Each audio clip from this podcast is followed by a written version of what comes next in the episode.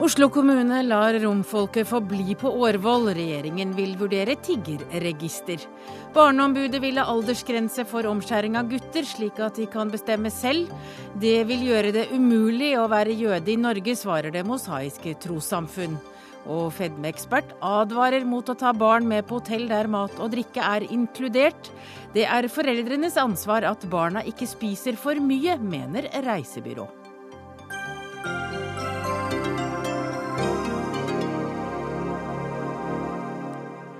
Ja, Velkommen til Dagsnytt 18. Jeg heter Hege Holm, og før klokka er sju skal vi også oppklare om de omstridte tiggerne virkelig er romfolk eller rumenere eller romanitatere eller omreisende.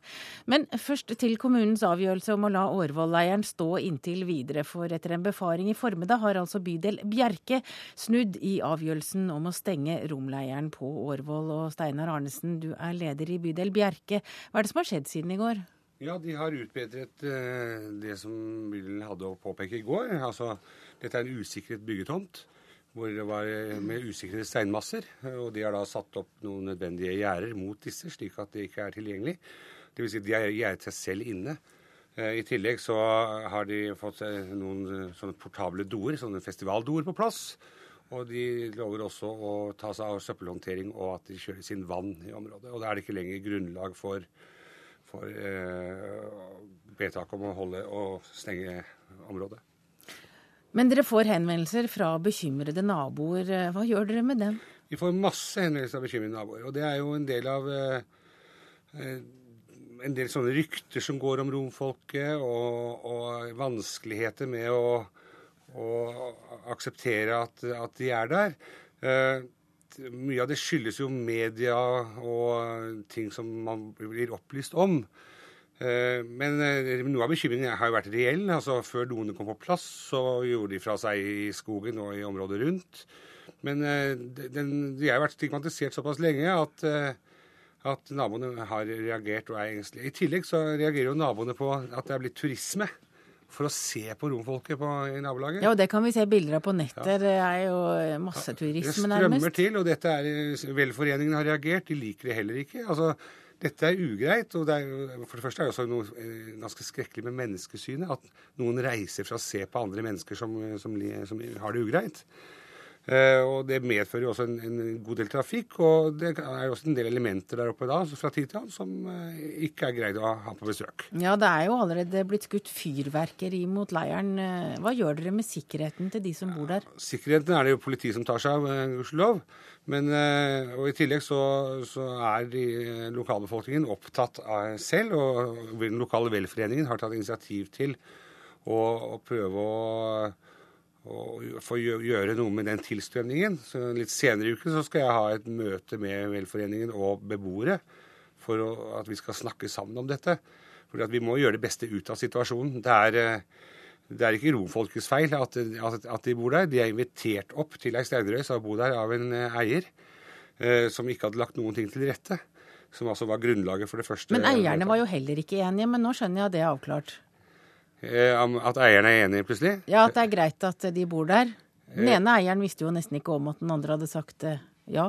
Det stemmer nok, men det tror jeg kanskje du må ta med, med eierne. Ja, det vet ikke du noe om. Nei, jeg har bare fulgt med i avisene og sett at nå har den andre også vært der. Ja, han har vært der for å sjekke, for den andre eieren er jo da en entreprenør og er svært bekymret for, for denne anleggstomta som, som, han har ansvaret for. Og hvis noe skulle skje på den tomta, så vil jo eier stå ansvarlig Eh, når man inviterer gjester hjem, så bør jo Forholdene blir lagt til rette. Men hvor mange er det som bor der nå? Det er litt uklart, men i natt var det rundt 50. Eh, jeg syns det har blitt noen færre, men det er jeg litt uh, usikker på. Det er ikke akkurat den mest sentrale stedet å bo, stedet å bo hvis du skal bruke Oslo sentrum på dagtid.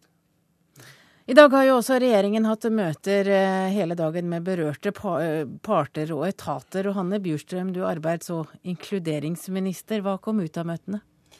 Ja, for det første må jeg si at uh, Veldig berømme den jobben som gjøres uh, fra, fra Årvolls side her. Fordi at vi har sett noen veldig støtende uttalelser overfor romfolket, syns jeg, som vi skal ta veldig veldig alvorlig, og som vi ikke kan være bekjent av. Nå har vi hatt uh, nå nærmere 22. juli seg, og vi vet at hvor viktig det er å ha respekt og toleranse.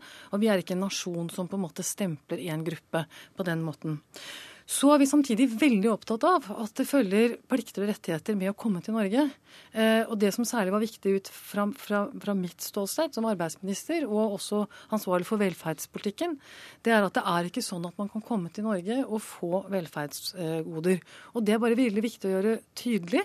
Og det var også veldig viktig for meg å ha et møte da med lederen, altså Nav og, og Nav-direktøren, slik at det ble sendt et, et tydelig, enda tydeligere, for det har vi gjort tidligere, men enda tydeligere signal om at det er et krav om selvforsørgelse. Når du kommer på denne måten, så må du kunne forsørge og klare deg selv. Men er det et problem for en regjering som bl.a. utgår fra Arbeiderpartiet og SV at man på den ene siden skal være human, men så skal du ikke heller være snillist eller dumsnill på den andre siden? Nei, Her skal vi bare være først og fremst veldig profesjonelle i det vi gjør. Og vi er et EØS-land. Og her snakker vi om EØS-borgere, det er veldig viktig å være klar over. Og som en del av EØS-avtalen så har folk fra Romania, Bulgaria og Ungarn lov til å komme til Norge og være her i tre måneder. Og så kan de søke om arbeid. Men en del av det er også at de må kunne forsørge seg selv. Jeg er veldig opptatt av at vi må behandle Men dette er jo turister? Vanligvis så stiller vi vel ikke krav til at turister skal forsørge jo, seg selv? Jo, Vi gjør det i den forstand at du kan ikke legge, velferd, altså legge den, det landet du kommer til, til, til, last. Og det betyr at disse som turister, hvis du vil kalle dem det, har ikke anledning til å gå på et Nav-kontor og få sosialhjelp utover hvis det skjer noe helt, altså noe som krever nød eller øyeblikkelig hjelp. Det er litt viktig å si, fordi at det er, vi må jo være realister også. Det er viktig å gjøre det klart at Norge er ikke et land hvor man kan komme og bare få disse godene. Det følger noen plikter med, og du må ha jobbet i Norge over tid for å få disse rettighetene. Og så har det jo kommet opp dette spørsmålet om de kan få lov å selge avisen til eh, Folk er folk, f.eks. Er det greit? Altså, det er jo ikke noe veien for at man selger den avisen. Det som har vært problemstillingen, er om det gir grunnlag for et arbeidsforhold som igjen gir opphav til rettigheter i Norge.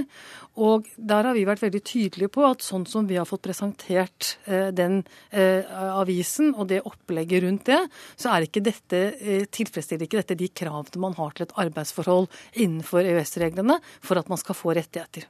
Men dere vurderer også hva dere skal eh, gjøre med tigger, eh, tiggerne, om de skal eh, registreres? Ja, altså En av de tingene vi diskuterte i dag, det var jo hvorvidt man burde få en registreringsordning for tiggere. Og særlig... Og det har de prøvd andre steder med hell? Ja, altså Det som er viktig med det, er både at du liksom lager noen rammer rundt det, men ikke minst at du får, eh, du får registrert tidspunkt for når folk kommer til Norge. Fordi at denne tremånedersfristen som vi snakker om, det betyr jo at hvis du ikke kan forsørge deg selv, og du har vært her i tre måneder, så skal du ut av Norge. Men det er vanskelig hvis man ikke vet når man kom inn. Og det er et problem man har i alle land, fordi vi har jo ikke noe grensekontroll innenfor Schengen-området. Eh, så det samme sliter svenskene med osv. Og én måte å kanskje løse det på, er å få en registreringsordning knyttet til eh, det å eh, være tigger. Torgeir Ødegaard, du er fungerende byrådsleder i Oslo. og Det er nå dere som har ansvaret for å takle leiren på Årvoll og romfolkene som slår seg ned der de føler seg trygge. Og Du har også etterlyst at regjeringen tar litt ansvar og tar debatten. Hva tenker du etter dagens møter? Jeg syns jeg har hatt et bra møte med statsrådene Bjurstrøm og Farmo. Jeg mener at eh, regjeringen og Oslo har felles interesser her. Og jeg har også sagt til statsrådene at jeg mener at vi må få en nasjonal politikk på hvordan kommunene skal forholde seg til EØS-borgere som ikke kan forsørge seg selv. Eh, og det opplever jeg at regjeringen er enig i. Men har du eh, fått det i dag? Jeg tror ikke det er sånn at noen så for seg at man skulle få en quick fix-løsning i dag. Men vi er i hvert fall enige om å ha en prosess. Og jeg opplever også at regjeringen er enig i at det er behov for å meisle ut en nasjonal politikk her, så må man selvfølgelig ha en gjennomgang av lovverk eh, osv. Vi skal ha en prosess på det fremover. Jeg tror det er viktig, for jeg tror ikke du kan overlate til 429 kommuner i Norge å praktisere dette eh, regelverket eh, hver for seg og på, forskjellige, og på forskjellige måter. Noen steder så har man lagt til rette for med, dusj og toalett osv. fra kommunens side. I Oslo så har det vært nokså bred politisk enighet om at det er ikke hensiktsmessig å gjøre. Det vil kunne føre til at vi vil få langt flere enn det vi eh, makter å uh, ta vare på og forholde oss til. Men, men den flokken som, som, Oslo kommune, for det er jo Oslo kommune som sliter mest uh, i dag. Og, og, Har dere fått noen, uh, noen, retningslinjer fra regjeringen for å løse den floken vi er i? Jeg har ikke fått noen retningslinjer fra regjeringen i dag. Det var nok heller ikke meningen. Jeg opplever at regjeringen og Oslo kommune er enige om at dette er en utfordring. At det, må, at det en, vil være en fordel å få en nasjonal politikk på dette, sånn at ikke du overlater til hver enkelt kommune å finne adhoc-løsninger hver gang det oppstår en utfordring. Så har jeg på vegne av byrådet vært opptatt av å signalisere og si tydelig at folk er velkommen til Oslo. Jeg slutter meg til eh, det som sies her fra statsråden og fra eh, lederen i bydelsutvalget også, at det er viktig å ha en debatt om hvordan ordskiftet skal være. Jeg, synes, jeg reagerer veldig på en del av de uttalelsene som jeg har lest i nettaviser og andre steder. Jeg håper og tror ikke det er representativt for hvordan folk flest i Norge tenker om andre mennesker. Det tror jeg ikke. Men, Men kan også... du forstå at det kommer på bakgrunn av det enkelte politikere har vært ute og sagt? Eh, nei, altså jeg forstår ikke at folk altså Jeg har lest en del uttalelser som jeg overhodet ikke forstår eller overhodet ikke aksepterer. Det er viktig å få det på bordet og ha en diskusjon rundt det. Så skjønner jeg at folk eh, i nærområdet er bekymret. Dette er ikke en campingplass. Dette er ikke et område som er egnet for uh, å bo på.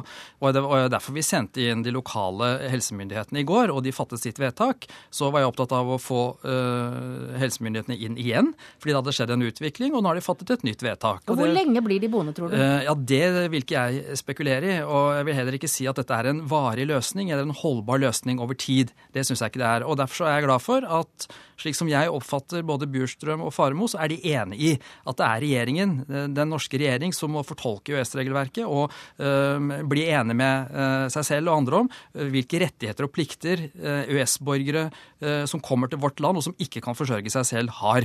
Det oppfattet jeg at det er en enighet om. Helt kort, Bjurstrøm, når kan dere ha kommet fram til noe som dere presenterer for offentligheten om akkurat det temaet?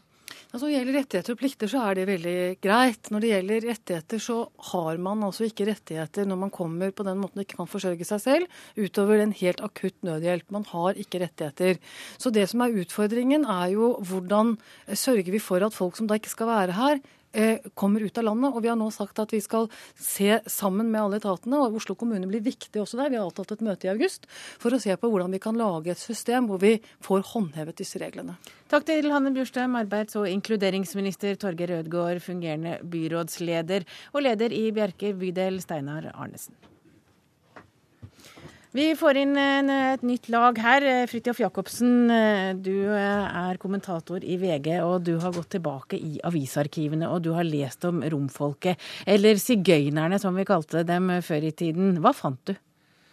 Nei, Jeg fant jo at dette her har jo vært en hva skal man si, ordensproblem, og noe som har vakt en del følelser i, i Norge, tror jeg. Spesielt i Oslo, i mange år.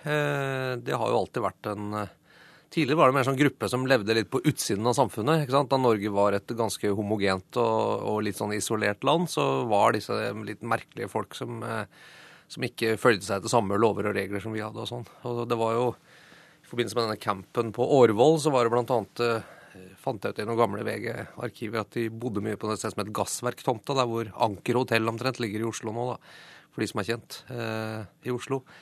Eh, i mange år. og Det var sånn gjerder, og folk sto og kikket, og det var sånn at det lå ekskrementer i gaten, og, og det var nød, og, og, hva skulle man gjøre med det? Mm. Og Det er jo det regjeringen har stilt seg spørsmål i dag, og hva skal vi gjøre med det? Ja. Nå hører du resultatet av møtene, hva syns du om det? Er nok et litt, litt, annet problem i dag. fordi at eh, Romania sant, lå jo bak jernteppet på den tiden, i, i 60-70-tallet. Eh, og en del av, det man prøvde på da, var jo å få dem inn i det norske samfunnet. Eh, man bygde jo sigøynerboliger, skulle ha barna på skole, prøve å få dem på en måte integrert eller assimilert med, med litt vekslende hell. I dag er det jo mer en slags sånn gruppe som flyter rundt innenfor eh, Europa og er litt her, og så tigger man litt, og, og noen syns det er ekkelt, og noen syns det er uryddig, og noen bryr seg ikke så mye. Eh, og det er ikke så mange, og man hører jo her at eh, hva kan man egentlig gjøre med det? Eh, det er ganske fri flyt av mennesker innenfor Europa for tiden. Ja, og det er jo egentlig noe vi ønsker, men vi ønsker jo de velutdanna, mens de som er fattige, de mobile fattige, de har vi ikke noe apparat for å ta imot? Nei, man kan jo innføre et tiggeforbud, som Høyre har tatt til orde for på sitt landsmøte f.eks. Eh, hvis man syns det er et ordensproblem, men det virker jo ikke som det er noe politisk flertall for eh, per i dag, i hvert fall. Men du skriver romfolk er jo en del av det moderne byliv. Er Norge en gjeng med bønder som ikke har helt skjønt at uh, vi er med i Schengen og EØS-avtalen gjelder? Og... Nei, jeg tror ikke det. Altså, jeg er litt overrasket over at det blir, ja, at det blir så voldsomme ja, et Mye raseri og sånn nå. fordi at det, eh, har jo vært sånn de siste åra at det er ikke noe uvanlig syn eh, å se romfolk sitte og tigge, i hvert fall ikke i Oslo. Eh, jeg ser det utenfor VG hver eneste dag, og det er stort sett de samme menneskene. Eh, og de står og spiller trekkspill, og de har kledd seg til sånn, som sånne gullmenn som skal stå sånn mer eller mindre stille på Karl Johan. Og, og, det virker ikke som folk bryr seg så veldig med det. Det er jo alltid sånn i en stor by at det vil være noen sånne litt uryddige elementer. Han fulle mannen på bussen eller hun gærne dama med sykkelen som går rundt og roper. og i en by så er det litt sånn at eh, folk kikker litt bare rett forbi og later som ikke de ser det. Eh, og inn der ligger vel også tiggere og sånne ting. Men hvorfor den opphisselsen nå i sommermånedene? Altså Når det blir en sånn eh, leir som blir veldig synlig, eh, f.eks. ved siden av en kirke eh, på Grünerløkka, så tror jeg det blir, det blir, mye mer synlig. Disse leirene har jo sett kjempeleirer, har jo ligget utenfor Roma, utenfor Madrid og sånne ting. I Norge har ikke det vært så vanlig. Jeg vet ikke hvor de har bodd om natten, om det er i kondemnerte hus eller om de har leid seg et lite husvære. Vi vet jo at noen kanskje har bodd under en trafikkmaskin eller sånn. Men det er jo som alle ting i Norge, ute av syne, ute av sinn. ikke sant? Det blir veldig tydelig når vi ser det. Og da oppe på et sånt boligområde som Årvoll i Oslo, så blir det jo veldig tydelig, da. Vi hørte jo også at Bjurstrøm sa det. altså Denne debatten kommer nå veldig tett opp mot eh, markeringen av ettårsdagen for, eh, for 22. juli. Har du gjort deg noen kommentatortanker rundt det? Ja, jeg syns alle kan egentlig kanskje ta og trekke pusten litt. Grann. Eh, også når man begynner å si at hvis man eh, syns at tigging eh, og, og, folk som bor i en slags sånn adhoc-leir ved Sofienberg at hvis man har et problem med det, så er man liksom omtrent Breivik. Det syns jeg blir, det blir veldig Ja, det blir litt usaklig. Akkurat som eh, all den gørra som flyter i kommentarfeltet og snakk om deporteringer og sånn, også blir veldig usaklig. Dette er hva sa han, 50 mennesker eh, i et grustak i Oslo, antageligvis for en relativt begrenset periode. Det er jo ikke akkurat noe som truer verken Oslo eller Norges eksistens, dette her. Jan Egeland, du er europadirektør i Human Rights Watch, og du forteller at eh, det er flere som eh, følger med på hva som skjer med romfolk i Oslo akkurat nå. Internasjonale menneskerettighetsorganisasjoner er opptatt av hva som skjer. Hvorfor det? Ja, ikke spesielt eh, i Oslo eller, eller, Norge, for det er eh, der er jeg helt enig med, med forrige taler. Et lite problem i Norge. Norge har få migranter, har få Eh, reisende har få fra romfolket. Men det er stor oppmerksomhet om eh, hvordan Europa takler migranter og minoriteter nå. Og det kommer enkelt og greit av at eh, det er så enorm sosial ubalanse i Europa, slik det er også i verden. Så det er mange flere nå som reiser, drar, forsøker å finne bedre, en bedre tilværelse andre steder. Og det gjør at det blir store spenninger i de samfunnene hvor de kommer. Og, og de samfunnene som er mottakere, viser seg på sitt beste og sitt verste ofte når det ukjente kommer til dem. Og i Norge er det altså veldig få som kommer. I Hellas, hvor jeg nylig var, Hellas i voldsom krise regner man med én million eh, migranter da, fra, fra ikke-europeiske land. Og når de klarer eh, å ordne det opp i Hellas, så mener du at eh, Norge absolutt bør i hvert fall holde humane, det humane flagget høyt? Men Hellas klarer det ikke. Hellas er i en helt enorm krise. og det er klart, altså På sett og vis er det nok det en mye større bekymring for Norge og nordmennene at i vår egen verdensdel er det noen land som mottar så enormt mange eh, migranter, altså ukontrollert innvandring. Og de har ingen økonomiske eller andre forutsetninger for å klare det. Altså De som har minst forutsetninger for å klare det, Hellas får flest. De som har størst forutsetninger for å klare eh, slike midlertidige belastninger, Norge får færrest. Og Det er den typen ting vi kanskje burde fokusere mer på enn en liksom eh, en, en, forholdsvis liten gruppe som skal følge norske lover og regler, men som ikke skal diskrimineres som gruppe. Ja, Du sier til NTB at eventuelle overgrep mot romfolket vil få store konsekvenser for Norges rykte i verden. Hva tenker du på da? Ja, det er en eh, tenkt, eh, tenkt tilfelle. Men altså, det har jo vært snakk om fra noen deportasjoner slik man gjorde det fra eh, Hellas, nei, fra Frankrike eh, under eh, Sarkozy. Og det var en, en, en, katastrofe for både Europa og Frankrike. For det var altså en, et enormt brudd på folkerett, på nasjonale lover, på internasjonale lover. Så altså, Human Rights Watch eh, følger nøye med på hva myndighetene gjør. Eh, det gjør vel også du, Fridtjof Jacobsen. Hva tror du eh, enden på visa blir? Jeg, syns ikke det er så lett å se noe løsning på dette. Det kommer til å bli så annerledes. Altså, dette er, dette er en del av det man er med i EU. Altså, Husker du det var noen asylsøkere som ble sendt ut fra Norge og tilbake til Hellas, og TV fulgte med og viste hvordan de bodde omtrent på gata. Eh, folk som ikke klarer seg selv, folk som ikke helt passer inn i dette europeiske velferdsstatssystemet som vi har, eh, det er vi jo ikke så veldig glad i å ha. Vi prøver å begrense det. Men akkurat når det gjelder folk fra Romania, så, så har vi ikke noen måte på en måte å hindre at de kommer hit på. Så jeg tror vi bare er nødt til å leve med at uh, romfolket kommer vi til å ha her, og da får man kanskje prøve å gjøre det beste ut av det, uten å gå helt av skaftet. Takk til Fridtjof Jacobsen, kommentator i VG, og Jan Egeland, europadirektør i Human Rights Watch.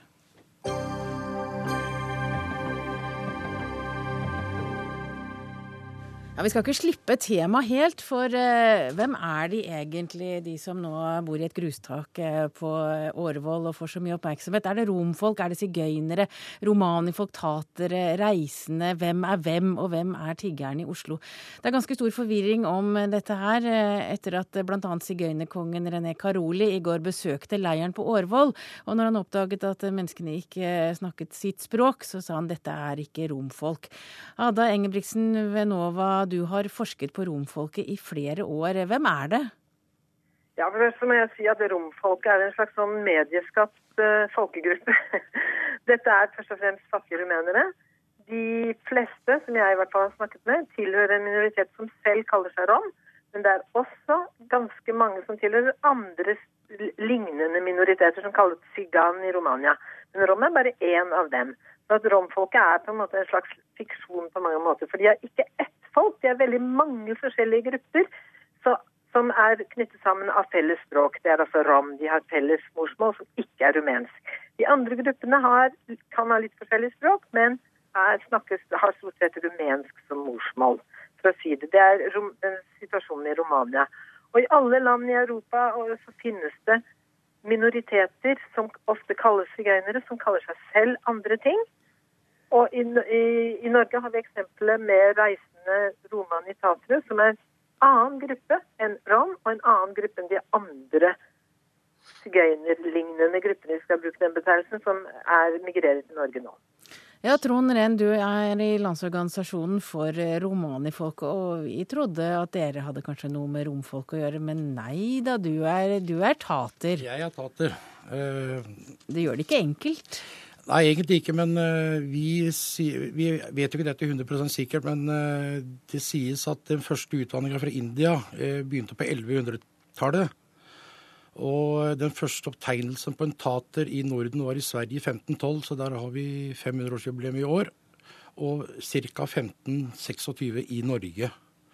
Så vi har vært der 300 år lenger enn sigøynerne, som da begynte å utvandre fra India på side 1300-tallet. Men de sto fast i Ungarn fram til 1862 Men dere startet slaver. ut som et felles folk, er det det du sier? Ja, egentlig så gjorde vi det. Det stemmer. Men så har dere skilt lag. Hva er vi, forskjellen på dere? Nei, hva kan du si? Ja? Vi har vel slått oss mer til ro, bo, bofast. Vi reiser ikke lenger. Noen gjør jo det, noen selger litt, men det er helst på messer eller eh, noe sånt. Men Adde Engebrigtsen, hvorfor er det viktig hvem som er hvem? Nei, altså, Det er viktig for dem selv, selvfølgelig. Eh, som du hører, han snakker om sin egen befolkning. ikke sant? Og det er viktig fordi man på en måte slår sauser sammen en hel masse grupper som faktisk er forholdsvis forskjellige og kan ha forskjellige livsformer i én betegnelse. Men bortsett fra det, så er ikke det det. Det viktigste er at de er fattige rumenere. Alle sammen er rumenske statsborgere, og alle har de samme rettighetene som EU-borgere. Det er egentlig det som jeg syns er viktigst. da. Men du kan si at både rom, og de som har nei, Først og fremst rom, som har ble holdt fast i Ungarn ja, og Romania i veldig mange hundre år, de var, utgjorde slavebefolkningen i, i, Romania og Ungarn. Og det har på en måte preget livsformen deres og utenforskapet deres på mange måter fram til i dag. Er det mye kontakt mellom dere i romanifolket og romfolket, Renn? Nei. Det er ytterst lite. For dere er helt forskjellige? Vi er helt forskjellige. Nå er vi der. Jon Larsen, eh, du er vel best kjent som gitarist og eh, ildsjel i Hot Club Norvège. Og du ja. Eh, har tatt med deg Django Reinhardts sigøynermusikk til Norge. Du har jobbet ja. veldig mye med franske sigøynere, og mange av dem insisterer på å kalle seg sigøynere og ikke romfolk. Hvorfor det? Hmm, et operativt begrep, muligens, men det har hittil ikke vært noe problem. Og um, gjennom 30 år med profesjonelle sigøynermusikere, så eh, har det stort sett eh, vært en hedersbetegnelse. Og jeg syns det var interessant det hun forrige taler sa om at uh, dette med etnisitet kanskje egentlig bare er viktig for de få selv det gjelder. Fordi uh, dette sigøyne- eller romfolk, problemet med romfolk Jeg tror ikke vi har et problem med romfolket. Vi har kanskje et problem med noe tiggere eller noe løsgjengere eller hva man skal kalle det. Men um, noe problematisk folkegruppe kan ikke jeg se at uh, vi har. Nei, og Du kjenner mest til franske sigøynermusikere, og de er stolte av både bakgrunn og kulturelt opphav?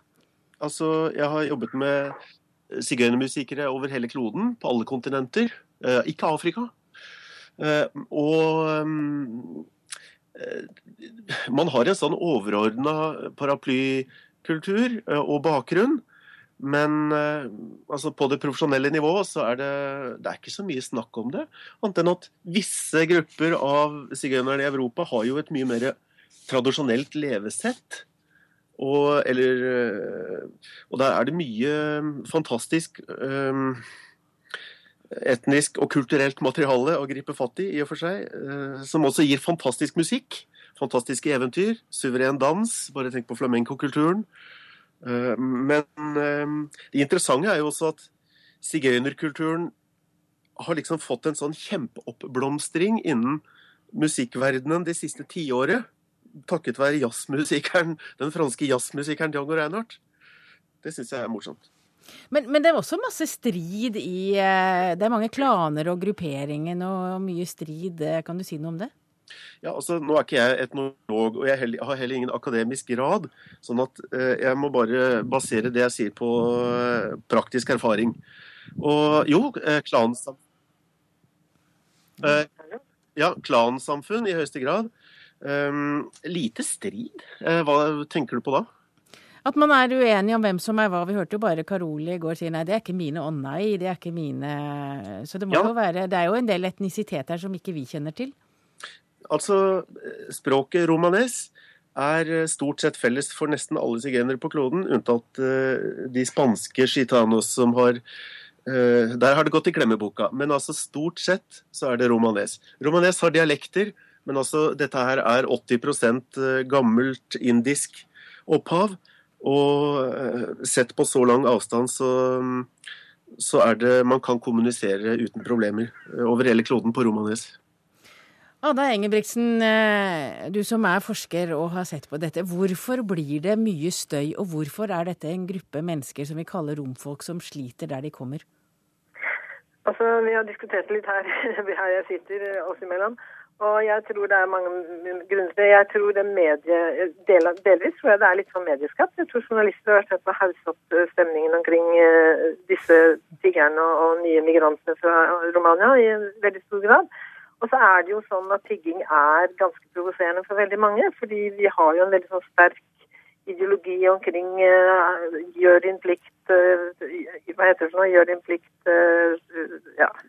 I, Krev din rett. Krev din rett. Sånn at tiggere er på en måte sett på som, som noe ganske sånn lavtstående, vil jeg påstå. Og jeg tror også det er veldig provoserende for veldig mange at de ber om pengene våre, rett og slett.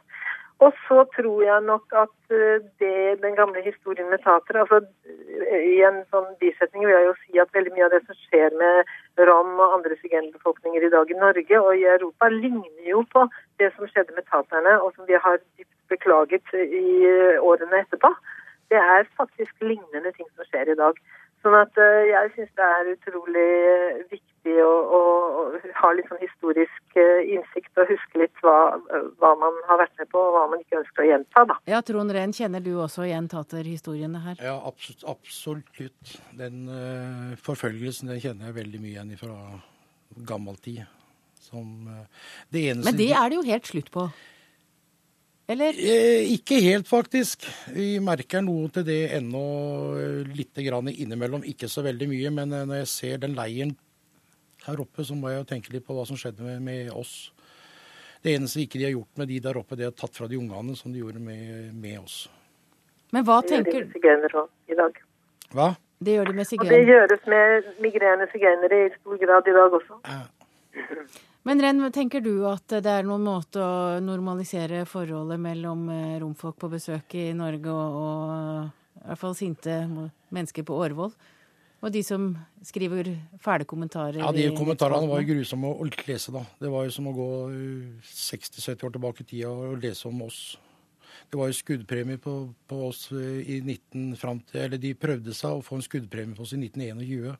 Det falt med 14 mot 7 stemmer i en kommune her i, i, i- Norge. Men hva var det som normaliserte det forholdet?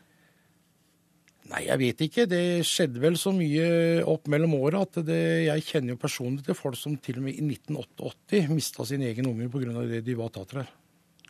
Så vi skal ikke så lenger tilbake i tid. Og det var i 1990 de hele Svanviken og begynte å brenne alt som hadde med papirer om også å gjøre. Det har skjedd overgrep før, det skjer overgrep ennå. Takk til eh, deg, Trond Renn, du er i Landsorganisasjonen for romanifolk. Og takk også til deg, Jon Larsen. Du er musiker i Hot Club Norvège og med oss eh, på Skype fra en eh, øy i det norske sommerlandet. Takk også til deg, Ada Engebrigtsen, eh, forsker ved NOVA.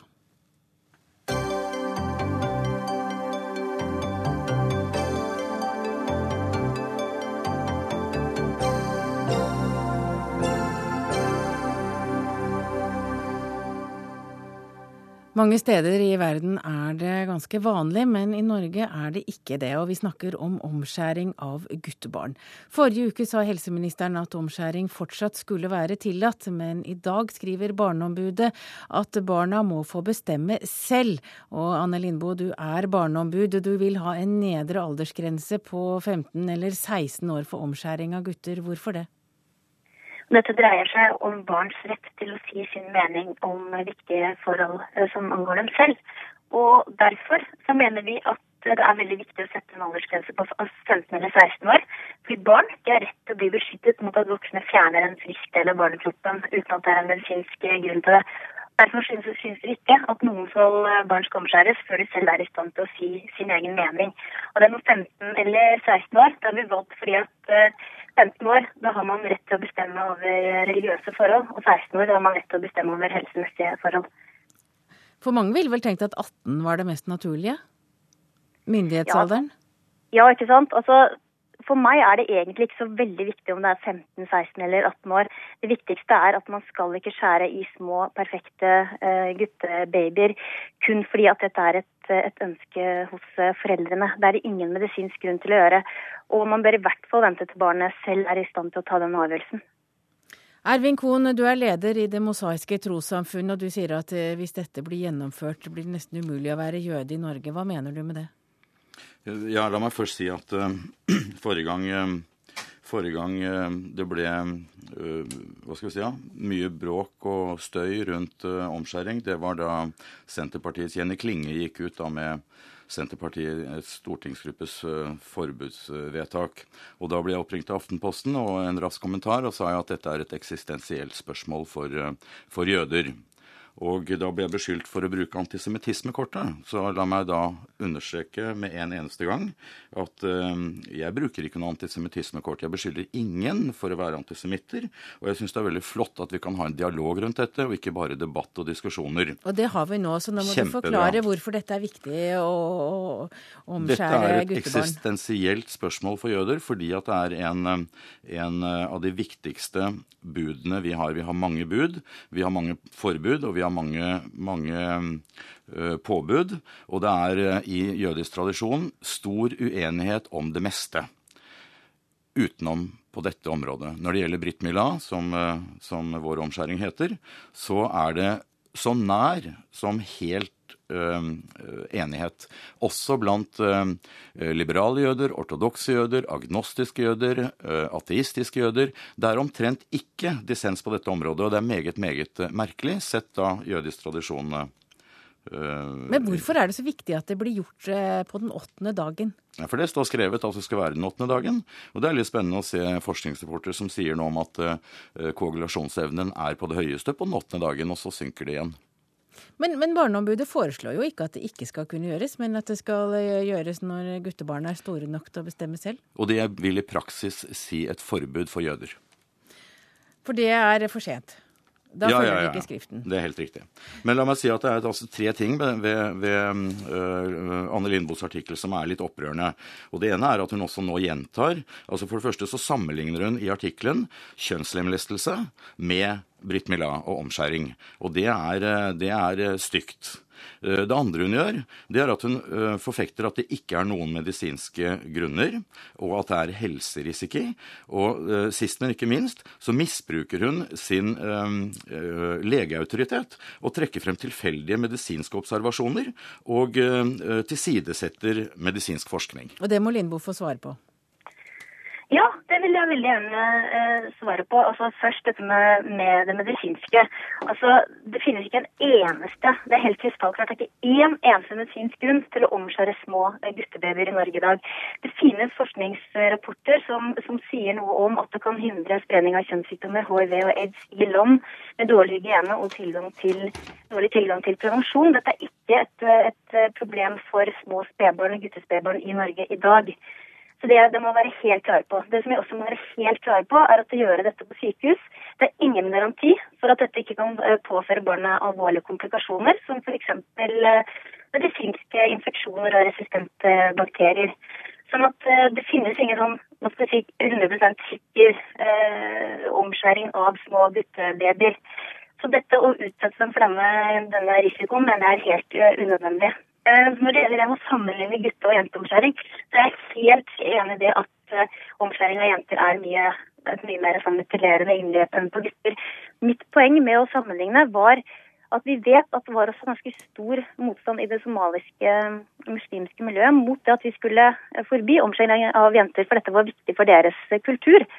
Men så ser man allerede etter et par eh, år, og dette er et, eh, et forskningsprosjekt eh, som Abdi Gele ved Høgskolen Oslo og Akershus har gjort, som jeg nevnte i artikkelen min i Aftenposten, så viser det seg at allerede etter et par år så har de faktisk begynt å endre syn på denne praksisen.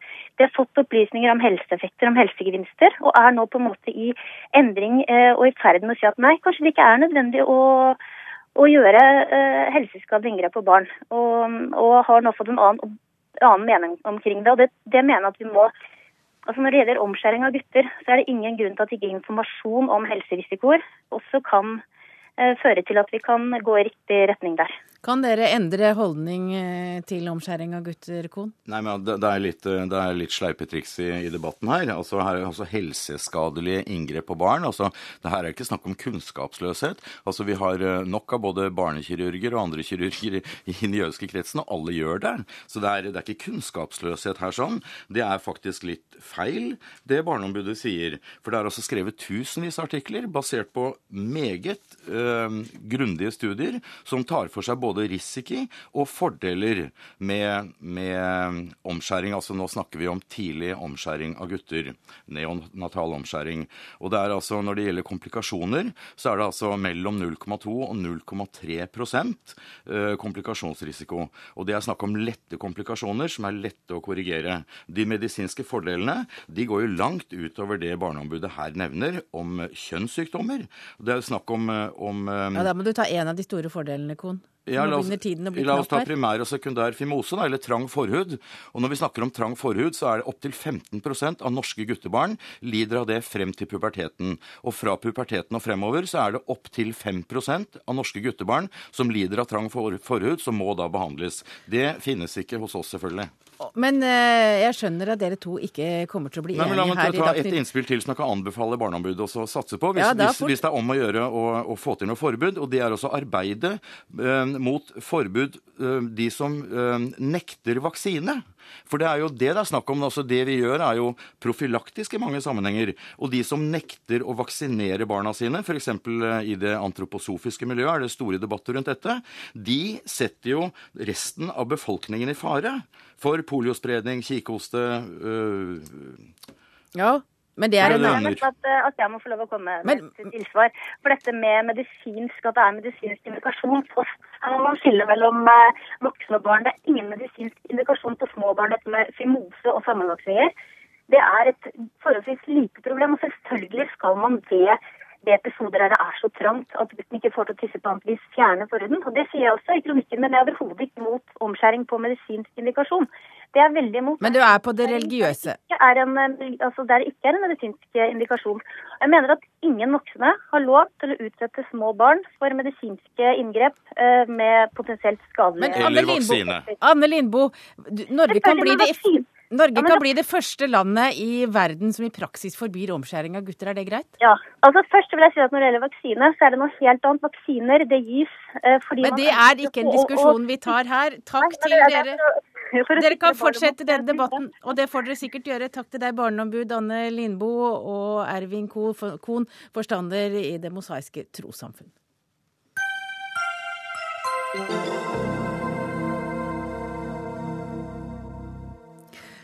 Da skal vi til Egypt, hvor revolusjonen nå har gitt landet en ny president. Men fortsatt er det ikke helt sikkert om landets nasjonalforsamling blir sittende. Det vi venter på nå i ettermiddag er at egyptisk høyesterett skal bestemme om nasjonalforsamlingen blir sittende. Og Unni Wikan, du er Midtøsten-ekspert. Du må forklare oss hvorfor er dette så viktig? Jo, det er veldig viktig, fordi at i nasjonalforsamlingen eh, slik den eh, var før den ble oppløst av de militære, så hadde islamister de mer, både de- liberale islamistene og de mer ytterliggående hadde til sammen over 70 av setene. Eh, Så det er klart at de frykter mye for at hvis det blir et nyvalg, så kan de komme til å miste noe av den eh, store Makten. Ja, makten som de har fått. Men, men er dette en kamp mellom hæren og mellom eh, brorskapet, altså islamistene? Ja, det vil jeg nok si at det er. Det er en kamp mellom hæren og brorskapet. Og det er en kamp også mellom de mer sekulært orienterte og mellom de eh, mer Altså de religiøse, for å Men, men du har snakket med flere av dine kontakter i Egypt i dag, og Ja. hva sier de om situasjonen? Nei, de sier at nå de vil at ting skal eh, liksom At systemet skal begynne å fungere, fungere igjen. Eh, Mange er glade for at nasjonalforsamlingen er blitt oppløst, fordi at det valget eh, som eh, den ble valgt ved, var et hvor folk hadde veldig liten forståelse for hva et valg var, og veldig mange stemte uten å ane i grunn hva de stemte på. Og dessuten har det jo vist seg at det var uregelmessigheter ved det valget, eh, i den forstand at man stilte Man hadde en god del uavhengige kandidater som kunne konkurrere om noen seter, og så hadde man partier. Og det er ikke lov å stille på begge listene, men det var det flere som gjorde. Og dermed fikk en dobbel sjanse til å bli valgt inn. Så det har foregått uregelmessigheter, og det er i grunnen en, en stor eh, ja, hva skal si, forståelse, aksept blant folk jeg snakker om, og det er lavere i klassen, eh, for, for, for eh, nødvendigheten av å få nye valg. Men hva tror du blir resultatet? Å, det er veldig vanskelig å spå. Eh, det er eh, vanskelig ikke bare fordi at eh, Ja, det er vanskelig å vite hvem folk egentlig vil ha. Men i tillegg så er det jo slik at islamistene, de rekrutterer velgere ved å dele ut matvarer, ved å levere helsegoder, ved å hjelpe barn på skolen. Og i det Og det sjarmerer jo egypterne, vil jeg tro. ja, men det, det Ja, altså, men egyptere er jo i det siste året blitt mye dårligere stilt økonomisk enn de var for et år siden. Landet har eh, økonomisk sett betalt en kjempehøy pris for eh, revolusjonen. Og de som har betalt prisen, er primært eh, det lavere laget av befolkningen. Slik at hvis islamistene nå mobiliserer til valget ved å gå ut i fattigkvarterene og dele ut mat og sånt, så kan det gi dem stemmer. Men vet man hva islamistene vil med Egypt? Nei, det vet man ikke.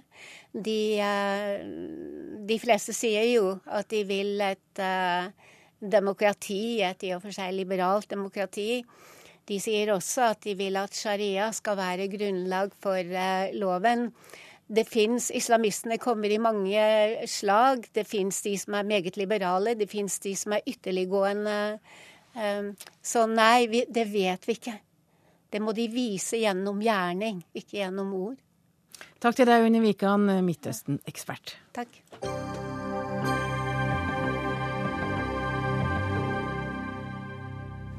Og nå skal vi snakke litt om mot, for eh, vi må tørre å være mer kritiske til hverandre. Eh, både i næringsliv og i akademia. Det sier du, Carl Fredrik Tangen. Du er lektor ved Markedshøgskolen i Oslo, og du burde jo vite hva du snakker om.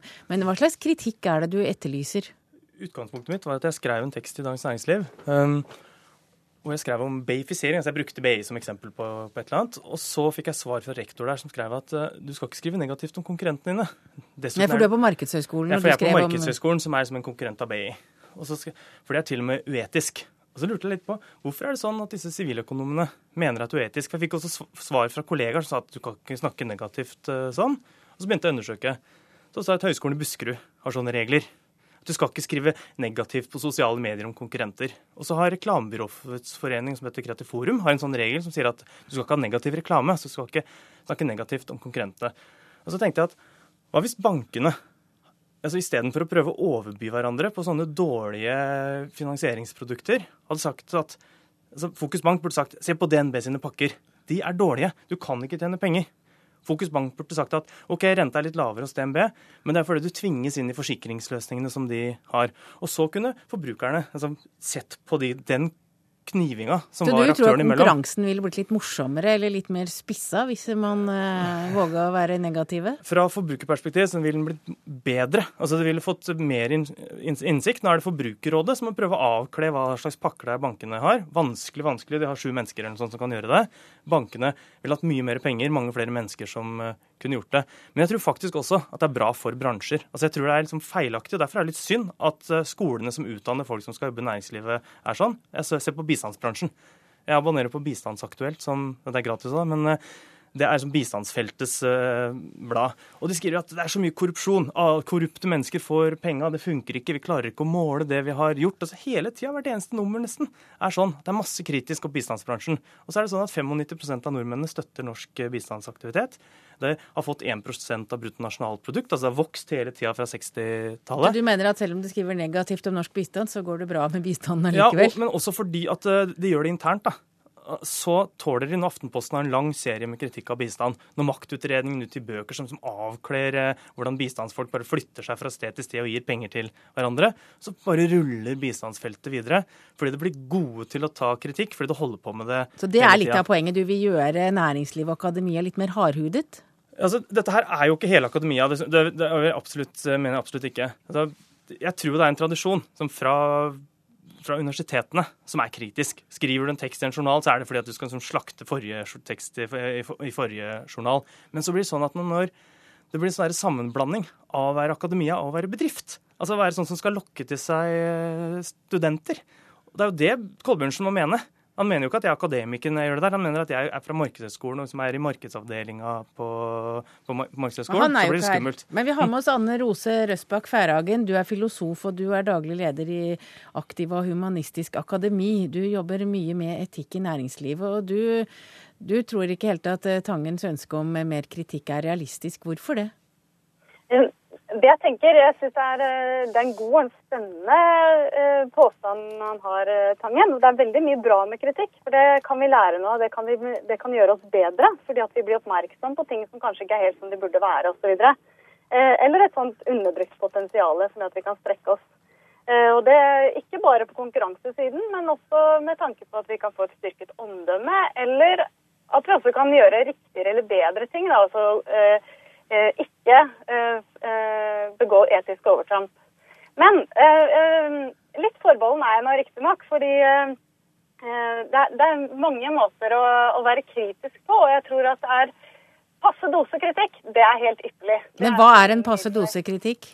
Jo, det er midt mellom to fallgruver som jeg tror er veldig viktig å, å tegne opp. Den ene er jo hvis, hvis, tanken er at alt er greit. eller Nå, nå beskriver jo Tangen noe som er veldig interessant, nemlig at, det, at folk i, i, næringsliv spesielt da, er de er veldig forsiktige med å angripe eller kritisere konkurrentene sine. Det er en slags sånn uskreven eller skreven regel at det gjør en bare ikke. Det er liksom ikke god skikk å gjøre det. Uh, og det er selvfølgelig, det kan være en, en fallgruve, for da går en jo glipp av disse viktige tilbakemeldingene. Men så har jeg også lyst til å tegne opp den uh, motsatte fallgruven, nemlig den uh, fallgruven det er at ingenting er bra nok, eller at folk er veldig frampå, veldig kritiske. for det jeg ser, er at det er mange rundt om i arbeidslivet generelt, og også næringslivet spesielt, som er kanskje for redde for, for å stikke hodet fram.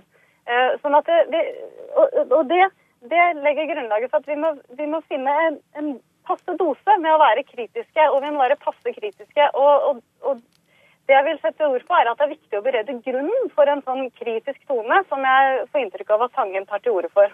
Jeg ønsker jo en ålreit tone mellom folk, men jeg syns det er blandet sammen her. Det er hvordan offentligheten skal være, og hvordan bedrifter skal forholde seg til hverandre, og hvordan mennesker skal forholde seg til hverandre. Og jeg tror jo, siden du er filosof, at filosofenes inntog i næringslivet på businessskolene er, er litt sånn skummelt. Fordi det gjør at bedrifter skal få etikk. Som om bedrifter kan ha, kan ha det. Um, blir du sånn, mener at bedrifters etikk er å tjene penger? Punktum, ja, bedriftenes logikk er ikke etikk. Altså, sånn at Det er så vanskelig å få det igjennom. Og Da blir det sånn at de der reglene som de skriver ned, så de får kjerneverdier og så får de etiske retningslinjer, de blir en slags unnskyldning for å holde på sånn som bedrifter må holde på. Altså, det, det må en annen kraft til. Det er derfor jeg liksom vil påberope altså derfor jeg vil hente opp den der kritiske krafta som konkurrenter kan ha, framfor den derre uh, moralske standarden som noen tror at bedrifter Legge, skal få innfra. Er du med på å legge lokk over kritikken gjennom at du er filosof, uh, Anne Rose Røsbakk Færhagen?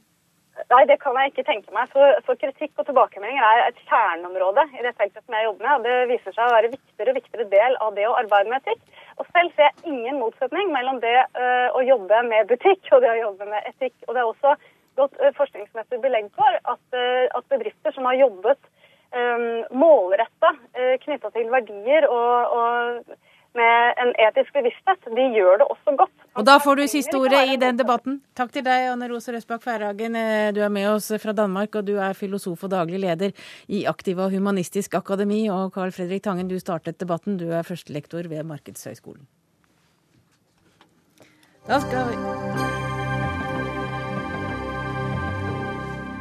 Da skal vi i ferielandet Norge, for det er fellesferie, og mange av oss flykter fra en litt laber norsk sommer og foretrekker å bo på all inclusive hoteller. Og det er altså hoteller der man kan spise hva man vil, drikke hva man vil, og nesten gjør det også når man vil. Og bugnende bord med fristende mat, det høres deilig ut.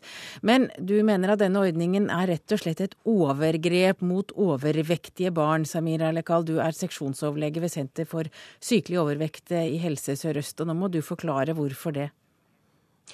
Eh, bakgrunnen for det er at 20% av våre unger er overvektige. Og det er klart at for barn som allerede har et vektproblem, så er det utfordrende å ha tilgang på all mulig mat som de eh, i utgangspunktet skal eh, avstå fra, og i hvert fall spise i små mengder. Og vi kan ikke legge på de eh, og skulle gjøre de valgene. Men du kaller det jo for et overgrep. Det er jo veldig alvorlig?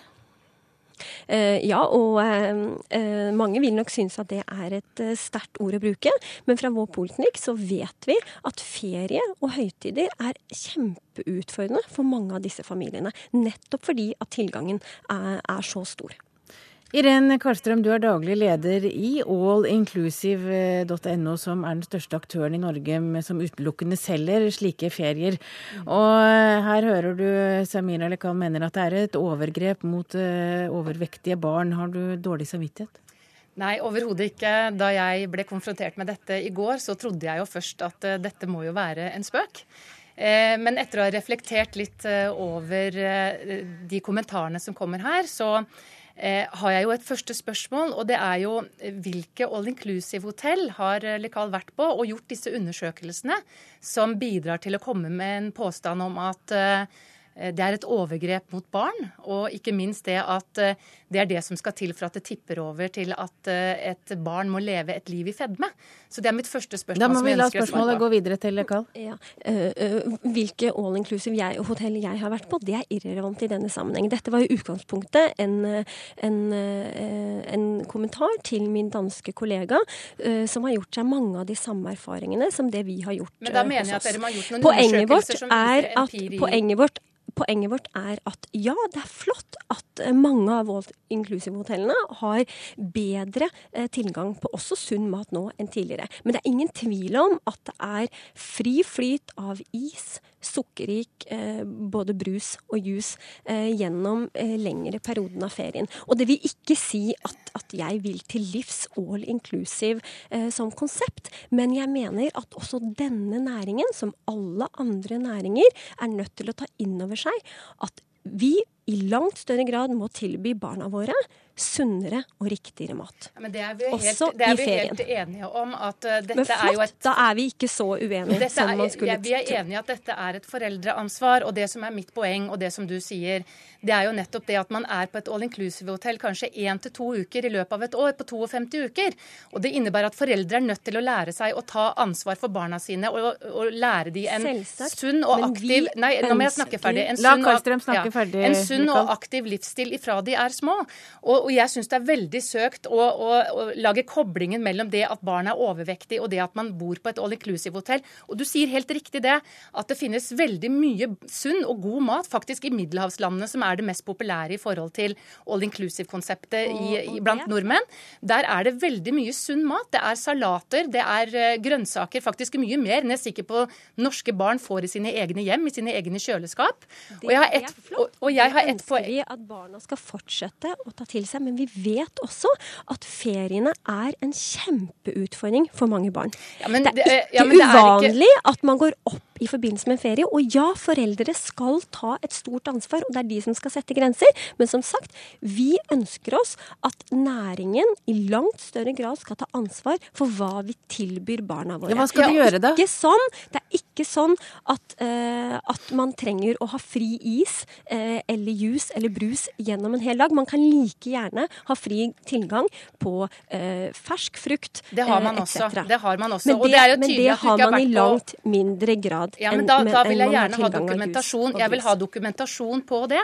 Fordi at det er jo sånn som vi sier at Jeg har et konkret eksempel, og det har jeg fått lov til å bruke i dag. Det har vært mye debatt på Facebook fra i går siden denne saken kom ut. Og jeg har fått lov til å bruke et eksempel. og Det er fra en far som hadde en 13 eh, år gammel sønn. Eh, de var på et all inclusive-hotell, og han var overvektig. Og faktisk lærte han sin sønn på et all inclusive-hotell hva slags type mat man skulle spise mye av, hva man skulle spise mindre av. Og den gutten har gått ned 30 kg. Så jeg tror at dette må eh, fokuseres rundt hvilken rolle foreldrene har. Og skal det bli sånn da at juleferie skal man ikke ha, for da spiser man sunn og fet mat? Skal man ikke kunne ta barna sine med på kino, for der blir man utsatt for kioskvarer og, og popkorn og brus? Vi er nødt til å skille mellom hva som er foreldreansvar, og ikke minst at ferie og høytider eh, Å bo på et all inclusive-hotell gjør man kanskje én til to ganger uke, eller uker i året. Eh, det skjer ikke i åtte uker. Man må jo få lov å kose seg om sommeren, eh, eh, Samira Lekal? Man skal kunne kose seg hele året, men det er viktig at med den, eh, altså den tendensen som vi har, altså jeg gjentar 20 av barna våre Så må man gjøre det med måte. Så er det faktisk sånn at foreldre ja trenger å ta et ansvar for hva barna har tilgang på. Men det har vi hørt Men denne som i alle andre, som i alle andre sammenhenger hvor jeg har en offentlig stemme, så mener jeg at næringen må ta et ansvar. Takk til deg, Samira Lekal, og takk til deg, Iren Kvarstrøm. Sendinga er slutt. Bak den står Jonas Haagensen, Finn Liv og Hege Holm. Ha en god kveld.